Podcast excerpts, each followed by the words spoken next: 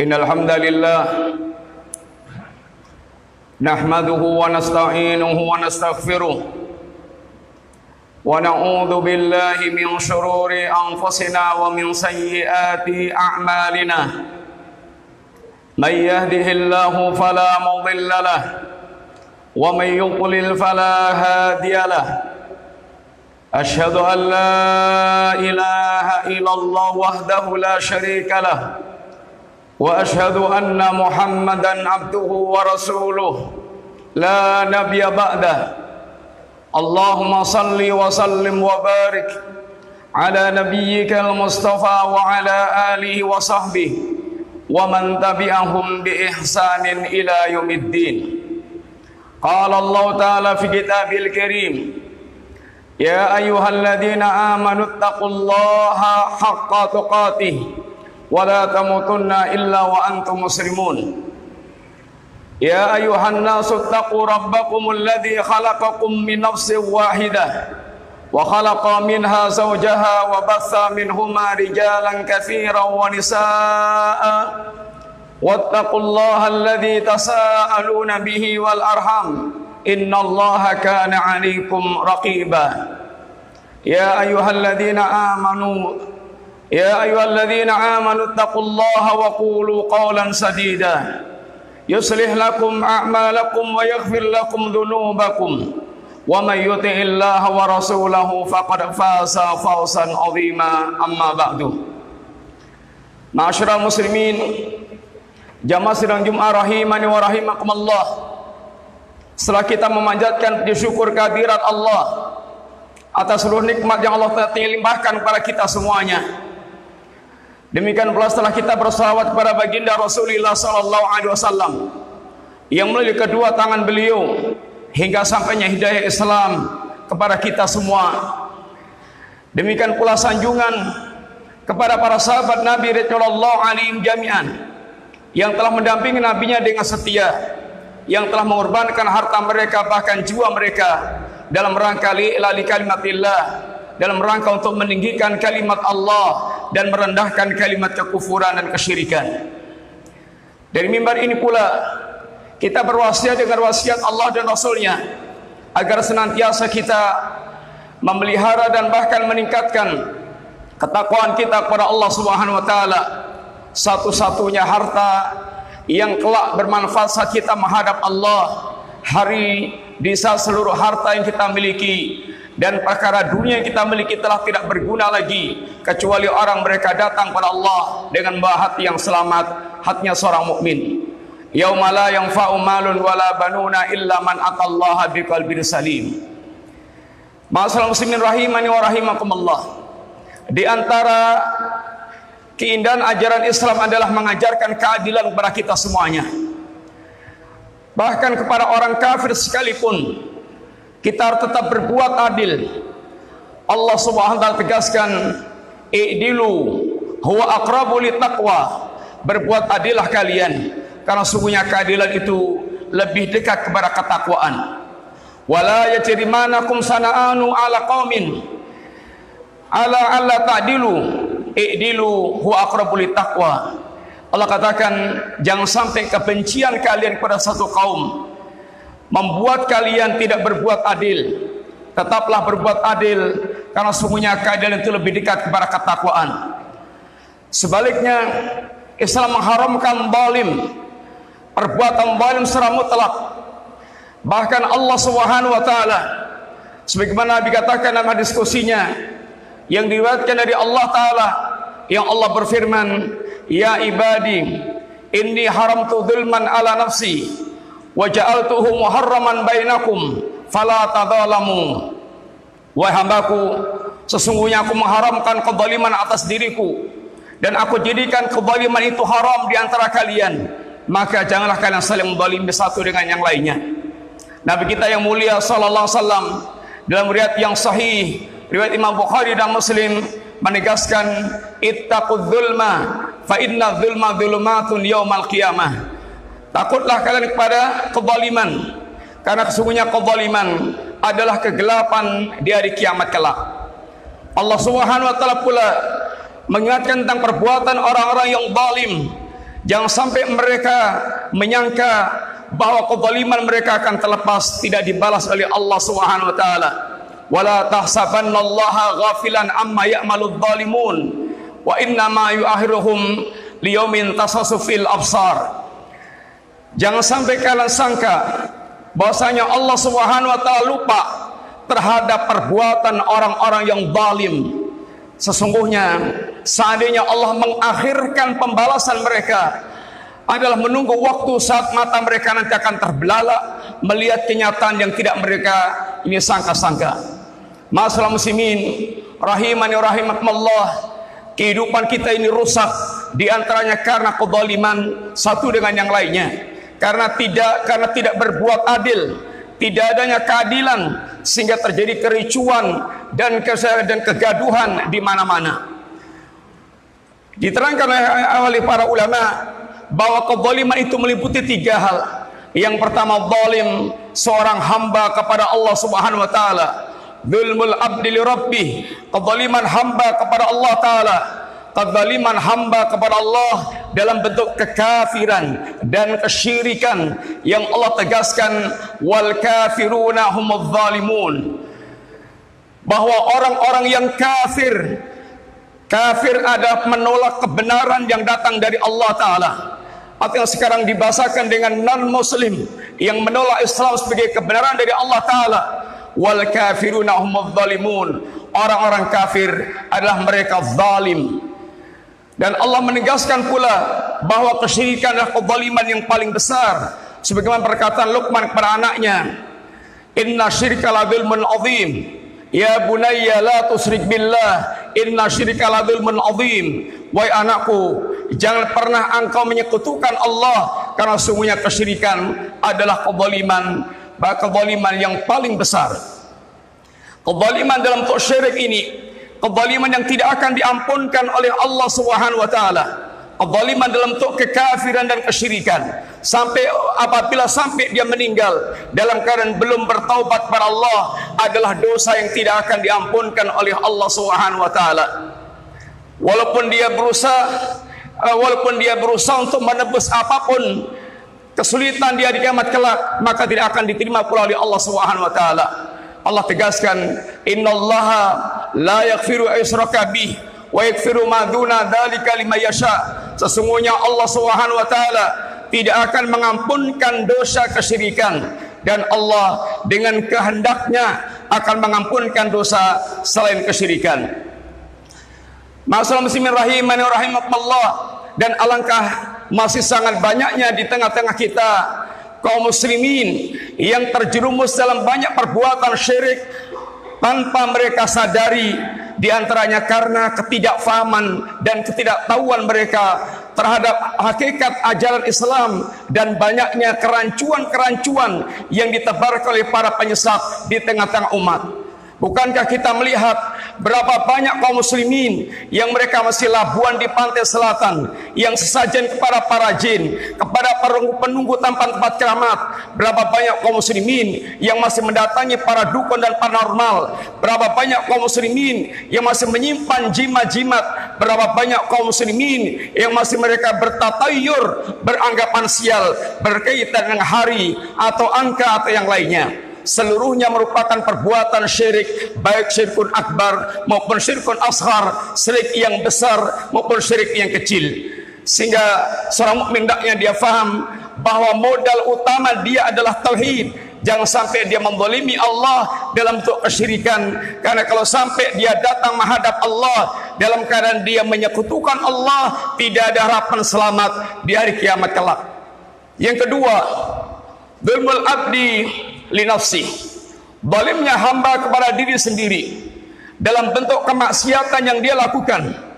Dia mendarakai Allah Subhanahu wa taala baik dengan cara dia meninggalkan kewajiban-kewajiban yang Allah wajibkan atau dengan dia melakukan larang-larangan yang Allah larang adalah bentuk kemaksiatan kepada Allah Subhanahu wa taala dan kemaksiatan adalah kezaliman karena kemaksiatan ibaratnya barang busuk yang dia suguhkan untuk dirinya tidak akan berbahagia orang yang mereka maksiat. Sebagaimana tidak akan celaka mereka memakan menenggak racun dan berbagai macam barang-barang yang busuk.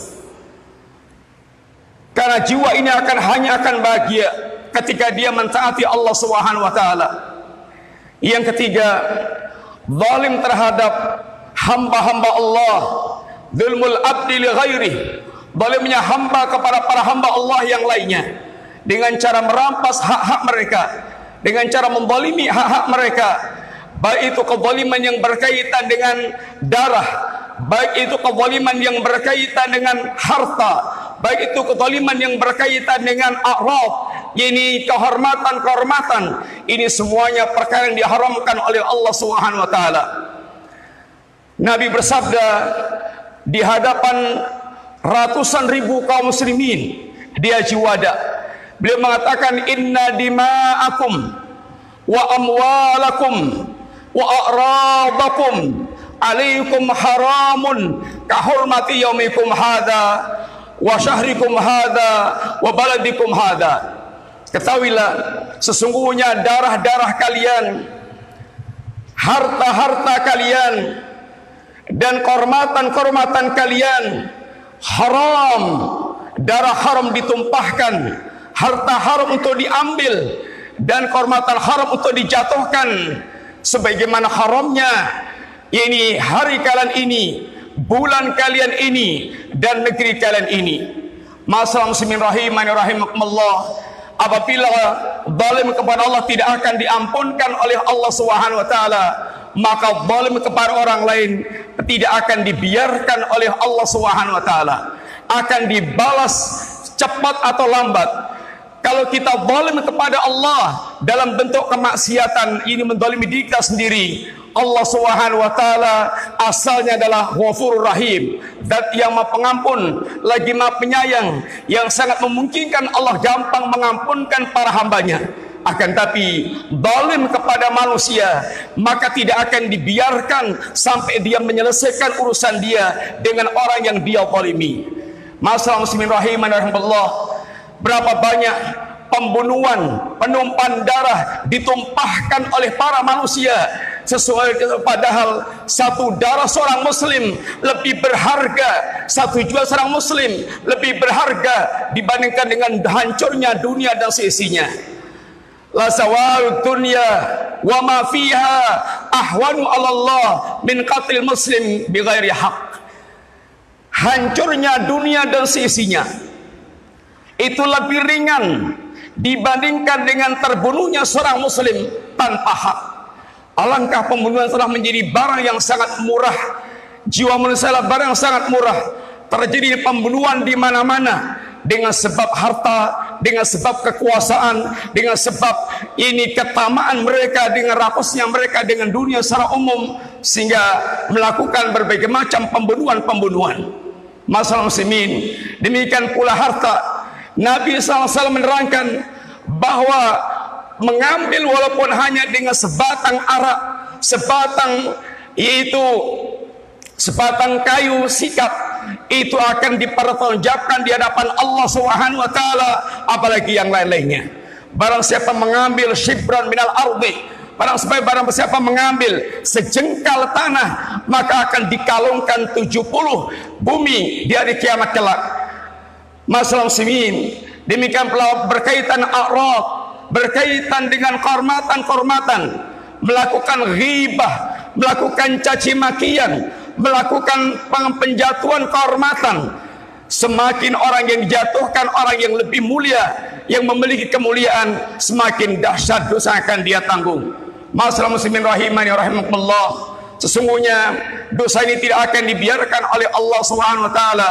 Dosa ini harus dibayar. Kalau tidak selesai di dunia, di akhirat akan diselesaikan Allah dengan cara diambil kebaikan-kebaikan kalau dia memiliki kebaikan. Nabi kita mengatakan, "Man kanat matlamatun li akhihi min irdih atau min malih falyatahalalhu qabla alla yakuna dinarun wala dirham."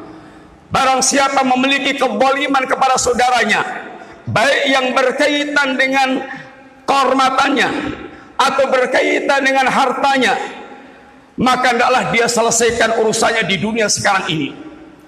Sebelum nanti datang hari yang tidak akan ada lagi dinar dan dirham, yang ada adalah kebaikan dan keburukan.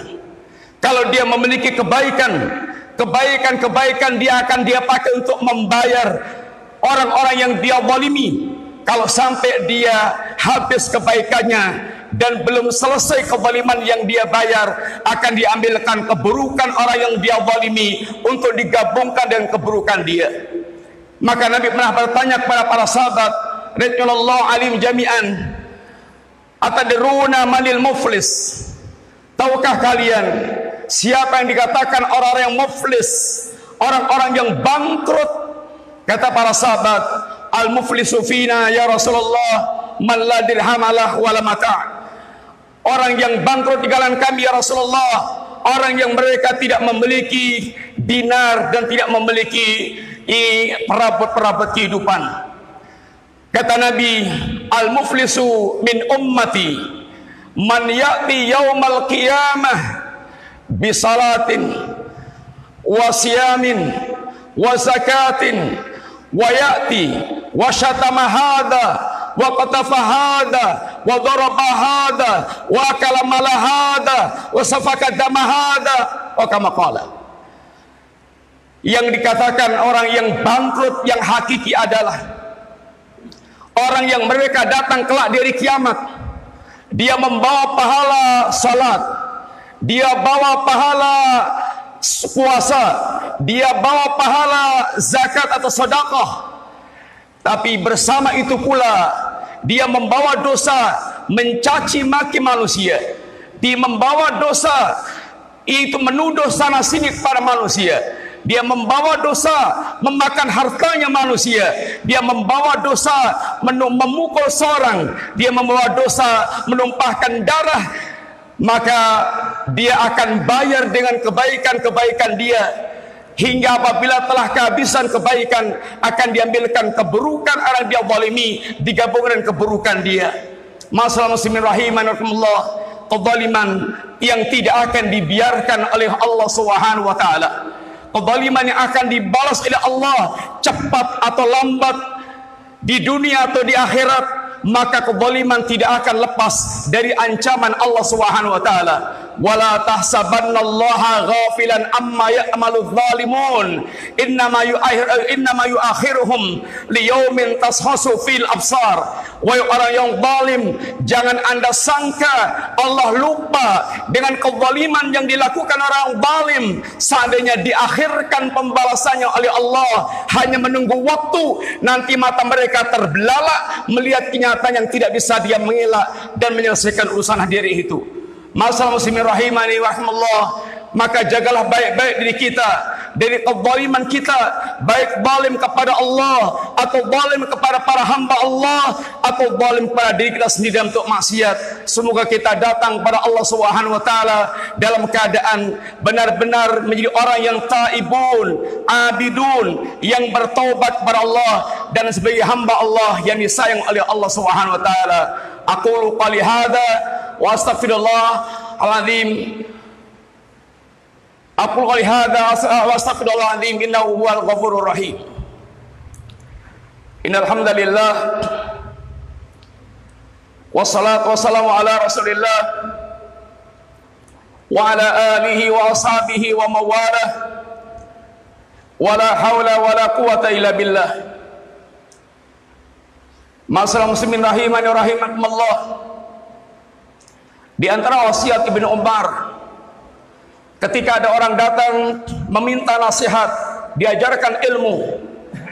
Kata Ibnu Umar, "Innal ilma kathirun." Ilmu itu sangat banyak. Walakin in istata'ta an talqallaha akan tapi kalau seandainya kamu mampu saat kamu nanti bertemu dengan Allah Subhanahu wa taala karena memang hari ini adalah hari kita bekerja. Hari kita beramal. Dan pasti kita akan bertemu dengan Allah taala. Ya ayyuhal insanu innaka kadihun ila rabbika fathan famulaqih. Wahai manusia hari ini anda adalah orang-orang yang bekerja yang beramal yang berbuat dan pasti anda nanti akan bertemu dengan Allah Subhanahu wa taala. Yang nabi kita yang Allah Subhanahu wa taala ingatkan hari-hari pertemuan dengan Allah hendaklah betul-betul dia khawatirkan. Wattaqu yawman turja'una fi Allah takutlah kalian akan datangnya hari saat nanti anda bertemu dengan Allah Subhanahu wa taala. Karena hari itu barang siapa yang dia tidak membawa bekal yang baik menjadi yauman hari-hari yang tatakallabu fil qulub wal absar akan menjadi hari yang hati mereka bergolak mata mereka terbelalak. Kata Ibn Umar, kalau anda mampu, jumpailah Allah Subhanahu wa taala dalam keadaan khafifadh dhahri an dima'il muslimin. Hendaknya punggung anda tidak menanggung beban darahnya muslimin. Jangan pernah melakukan pembunuhan sama sekali kepada manusia, pembunuhan yang tidak yang tanpa hak. Karena urusannya sangat berat. Penuh mandara urusannya sangat berat. Yang kedua, hendaklah anda temui Allah Subhanahu wa taala dalam keadaan khamisal batni am an amwalihim. Hendaklah anda kosongkan perut anda dari harta manusia. Ini jangan pernah mengambil harta manusia dengan cara yang batil, dengan cara yang tidak benar akan menjadi beban berat di hadapan Allah kelak. Dan seandainya Anda mampu datang kepada Allah, jadikanlah pertemuan Anda kafalisan an a'radihim orang yang bisa menjaga lisan dari kehormatan manusia. Dan seandainya Anda bertemu dengan Allah dan Anda mampu lakukan maka hendaklah Anda dalam keadaan lasiman li jamaatil muslimin senantiasa bergabung dengan jamaahnya muslimin jangan menjadi orang yang keluar dari jamaahnya muslimin yakni tidak keluar dari sunnah yang diajarkan Nabi kepada para sahabat. Mereka adalah al jamaah atau jangan sampai menjadi para pemberontak-pemberontak penguasa muslim. Baik dengan lesannya atau dengan perbuatannya. Faf'al kata beliau. Lakukan yang demikian itu. Masalah muslimin rahiman warahmatullah Bekal kita yang pokok tiga.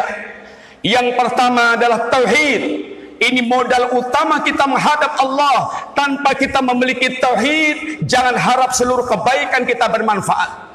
Yang kedua adalah Al-akhlakul karimah. Berakhlaklah yang baik kepada para hamba Allah.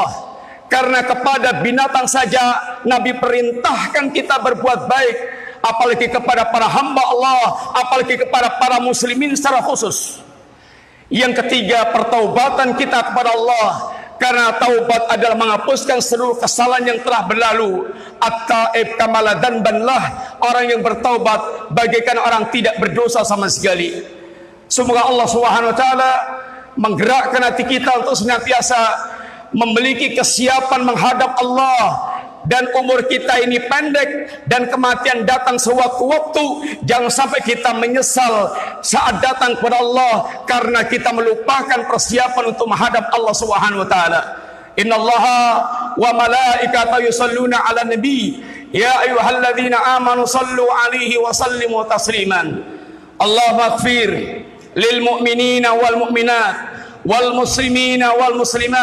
al ahya'i minhum wal amwat ربنا لا تسق قلوبنا بعد إذ هديتنا وهب لنا من لدنك رحمة إنك أنت الوهاب.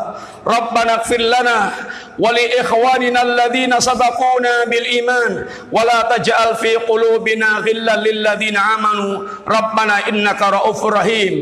اللهم أصلح لنا ديننا الذي هو اسمة أمرنا.